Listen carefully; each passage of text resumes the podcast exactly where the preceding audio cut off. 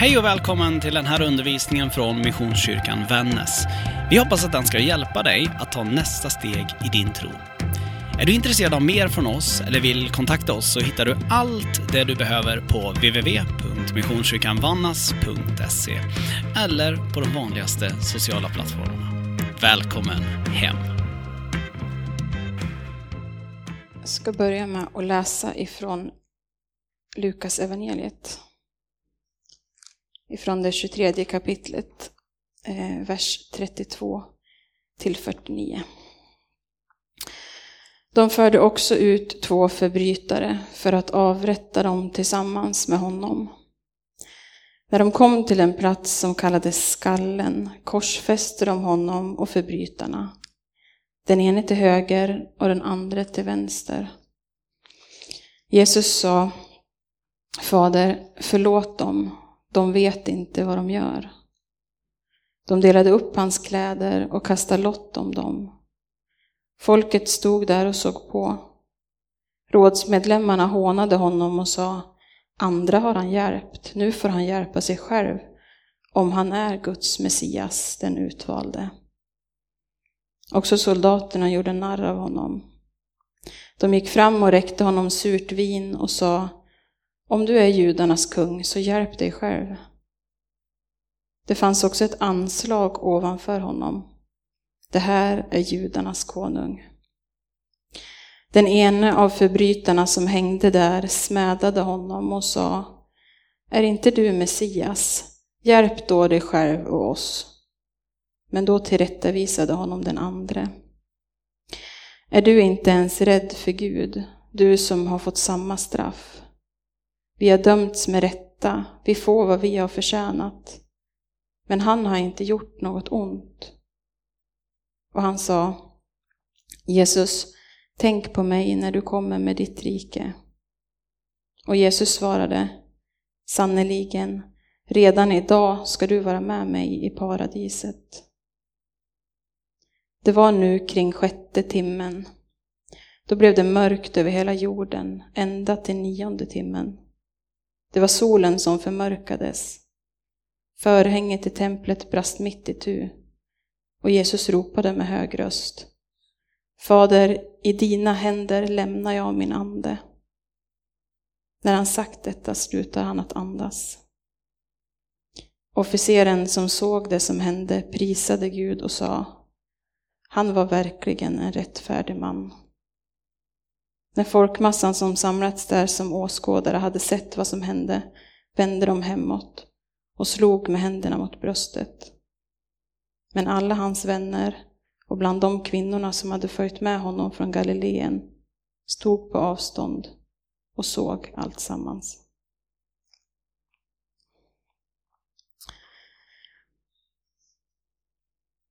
Det, det är en stark text den är målande och drabbande. Och då är det ändå bara en liten del av det som hände på långfredagen. Det är bara vad som händer precis vid korset efter att Jesus har blivit dömd till döden. Tidigare har Lukas beskrivit hur Jesus under natten har blivit förrådd och fängslad, slagen och hånad. Hur han har svikits av Petrus som gång på gång förnekat honom. Och hur han när dagen har grytts förts in till rådet för förhör. Sedan Pilatus, Herodes och Pilatus igen. Som inte tycker att Jesus gjort sig skyldig till något som förtjänar straff med döden. Och egentligen vill frikänna honom. Men folkmassan är starkare än Pilatus. Och under deras påverkan och rop om att korsfästa honom låter det Pilatusfolket få som de vill. När jag läser texterna om vad som händer den där långfredagen tycker jag att det är lätt att ta platsen som åskådare. Lite sådär på lagom avstånd. Som om vi stod där bland Jesu vänner och lärjungar och följde med lite från sidan. Både där hos Pilatus, se folkmassan, höra ropen och inte riktigt förstå vad som håller på att hända. Att sen vid Golgata se honom korsfästas, höra ljuden, se honom hänga där, ana hur han plågas. Att fortfarande på avstånd uppleva hur solen förmörkas under flera timmar, men ändå välja att stanna kvar just på den platsen. Att kanske svagt höra hans röst en sista gång, hur han ropar Fader, i dina händer lämnar jag min ande. Undra om han hörde rätt, men sen ana på folket som står lite närmre att nu är han nog död. Se hur folkmassan drar sig därifrån med händerna mot bröstet och fortfarande inte riktigt förstå vad som faktiskt har hänt. Vad skulle jag ha känt om jag var där just då, i den stunden? Förvirring, hopplöshet, maktlöshet, rädsla. Var det här allt? Hur blir det nu utan Jesus? Mina tankar drar iväg. Kanske var det som Karl Oskar sjunger i Kristina från Duvemåla när han tror att hon håller på att dö. Du som ger mig svaren innan jag har frågat. Dina ögon ser mig som ingen annans. Och du som alltid växer så att allt förnyas. De läkande orden, det ömmande hjärtat, den smekande handen. Jag kan se hur livet skulle bli utan dig. Du måste stanna. Stanna kvar hos mig.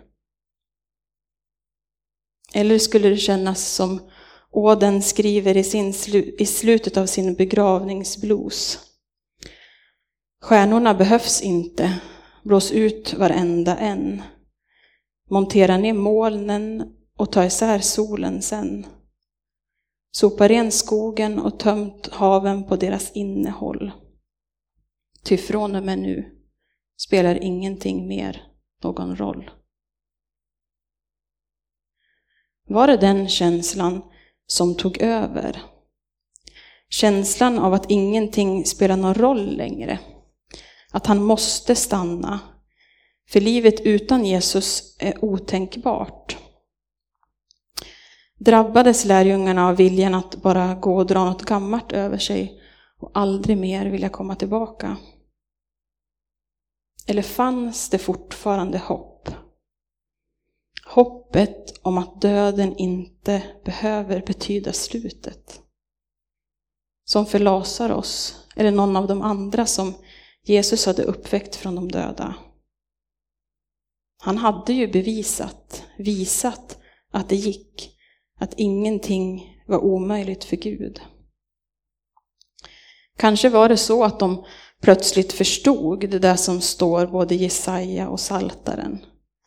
Profetord om att det var våra sjukdomar han bar, våra plågor han led. När vi trodde han blev straffad, slagen av Gud, förnedrad. Han blev pinad för våra brott, sargad för våra synder. Han tuktades för att vi skulle helas. Hans sår gav oss bot. Vi gick alla vilse som får. Var och en tog sin egen väg. Men Herren lät vår skuld drabba honom. Han fann sig i lidandet. Han öppnade inte sin mun. Som det står i Isaiah 53. Eller, alla som ser mig gör narr av mig. De hånler och skakar på huvudet. Han har överlämnat sig åt Herren. Nu får Herren gripa in och rädda honom. Han är ju älskad av Herren. Som det står i Saltaren 22. Kanske var det så, eller kan det vara så, att vi, eller så bör jag säga jag, vid första anblick ser på långfredagens drama och tänker att det bara var avgrundsdjup sorg och förtvivlan hos lärjungarna. Men kan det vara att det i själva verket blev öppnade ögon? Att de plötsligt kunde se och lägga det där pusslet. Allt det där som tidigare varit fördolt. Som Jesus har talat om men som ingen av dem förstått eller vågat fråga om. Allt Jesus sagt som pekat på detta, som visat framåt. För tre gånger i Johannes evangeliet, i Lukas evangeliet ska jag säga, har Jesus berättat om vad som ska hända. Första gången i samband med att han frågar lärjungarna vem de säger att han är. Och Petrus svarar Guds Messias. Då förbjuder Jesus dem att tala så och så säger han till lärjungarna. Människosonen måste lida mycket och bli förkastad av de äldste och överste prästerna och de skriftlärda och bli dödad och uppväckt på den tredje dagen. Andra gången så talar han till en stor folkskara och säger Lyssna noga på vad jag säger till er. Människosonen ska överlämnas i människors händer. Men de förstod inte vad han menade. Det var fördolt för dem för att de inte skulle fatta det. Och de vågade inte fråga honom vad det betydde.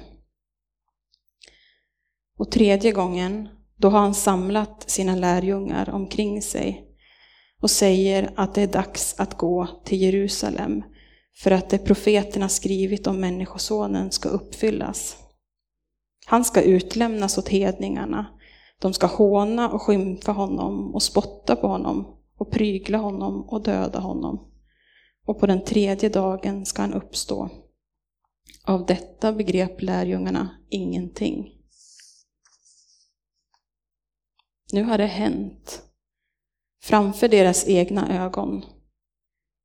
Visserligen på avstånd, men de har sett det hända. Det där som Jesus sagt. Det var inte mycket Jesus och de judiska ledarna i rådet var överens om. Ni minns de som tog honom till fånga och ledde honom till Pilatus. Men en sak förenar dem. Vissheten om att det som hände den där dagen var Guds handlande. Det var Gud som ledde dit. Men med olika perspektiv. Där rådet såg det som att Gud straffade. Medan Jesus visste att Gud befriade. Han hade kunnat förneka eller fly. Men såg det som Guds vilja och som en del av sin kallelse. Jesus lät det hända för att han litade på Gud. Att Gud visste bäst. Precis som Abraham när han på Guds uppdrag tog med sin son Isak på en tre dagars vandring, gjorde upp ett bål och var beredd att offra sin son. Han gjorde det för att han litade på Guds plan, att Gud visste bäst. Jesus blev korsfäst, avrättad på ett vidrigt sätt. Men det är viktigt att vi minns att det som till det yttre är en avrättning, till det inre är ett försoningsverk. Gud offrar sin son. Jesus offrar sig. Han dör för människans synder, för dig och för mig. I Filipperbrevet 2, vers 6-8 står det.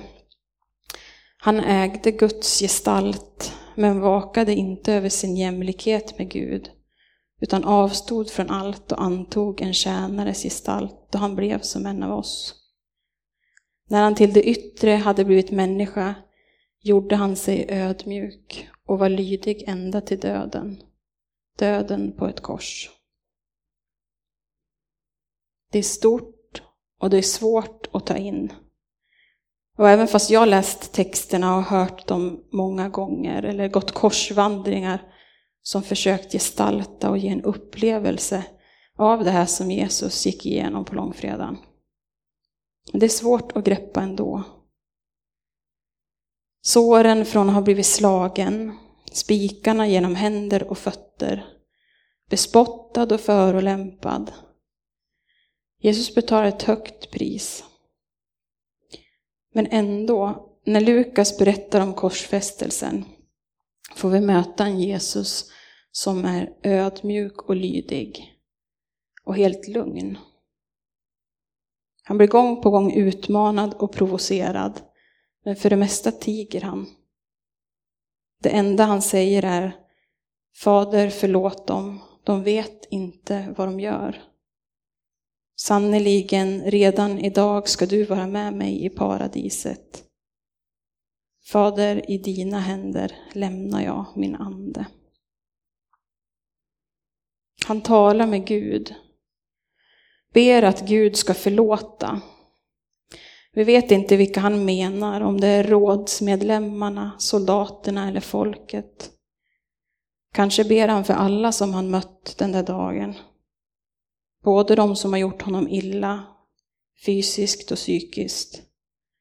Men också alla de som bara stått bredvid och sett på. Och så talar han till en av männen som dömts till döden och korsfästs tillsammans med honom. Jag fick en gång i själavård en bild när vi pratade om vilka människor som får ta plats i ens liv. Och då sa pastorn så här. När Jesus spikades upp mellan två förbrytare, hamnade Jesus i dåligt sällskap eller hamnar förbrytarna i gott sällskap? Den Jesus var, hans hjärta visade sig även i det som var hans mest prövade stund. När den ene förbrytaren hakar på i soldaternas tugg får han snabbt mothugg av den andra. Vi vet inte vad, så, vad de har gjort för att hamna där, mer än att han faktiskt anser att de förtjänat det. Till skillnad från Jesus. Förbrytaren har en sista önskan, att Jesus ska tänka på honom. Men Jesus stannar inte vid tanke, utan han ger honom allt. Och slutligen talar han till Fadern igen. Han använder samma ord som i en Davids psalm. Han överlämnar sig själv. På ett sätt tänker jag att det är nästan som att cirkeln sluts. När Maria får veta av ängeln att hon ska föda Guds son, frälsaren, och säger jag är Herrens tjänarinna, må det ske med mig som du har sagt, så gör hon samma sak. Hon lägger sitt liv i Guds händer, litar helt och fullt på honom. Och Jesus gör detsamma. Genom sitt liv och ända in i döden. För den som inte tror kan den här dagen vara något kanske både obegripligt och i viss mån avskräckande. Att korset bara förknippas med smärta och död. När vi talar om dödsdom och offer. Att frivilligt gå in i döden. Bilderna av en Jesus med blodig törnekrona uppspikad på ett kors. Eller kanske minnet av att man som barn varken fick se på tv eller lyssna på radio eller ens leka. Jag läste någonstans att det heter långfredag för att det var den längsta dagen i Jesu liv. Jag vet inte om det stämmer, men nog var det en intensiv dag. På engelska heter det Good Friday, den goda fredagen, som en påminnelse om försoningens dyrbara och goda gåva. I romersk tradition sägs den ha kallats den heliga fredagen och i ortodox tradition den stora fredagen. Oavsett vad vi kallar den, om dagen är lång, god, helig eller stor, så är det det som händer. Berättelsen om Jesu korsfästelse och död handlar om och innefattar allt det. Den är god, helig och stor. Och den är lång, för den sträcker sig längre än vi någonsin kan ana.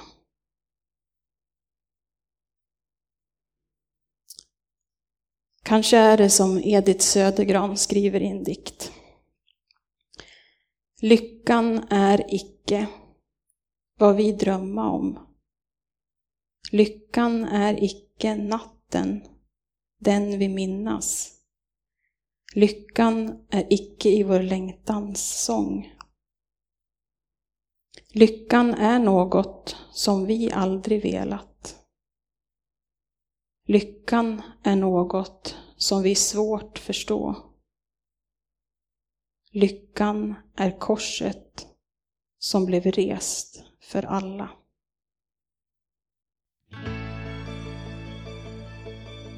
Hej, det här är pastor Johan. Så roligt att du lyssnat på den här podden ifrån oss.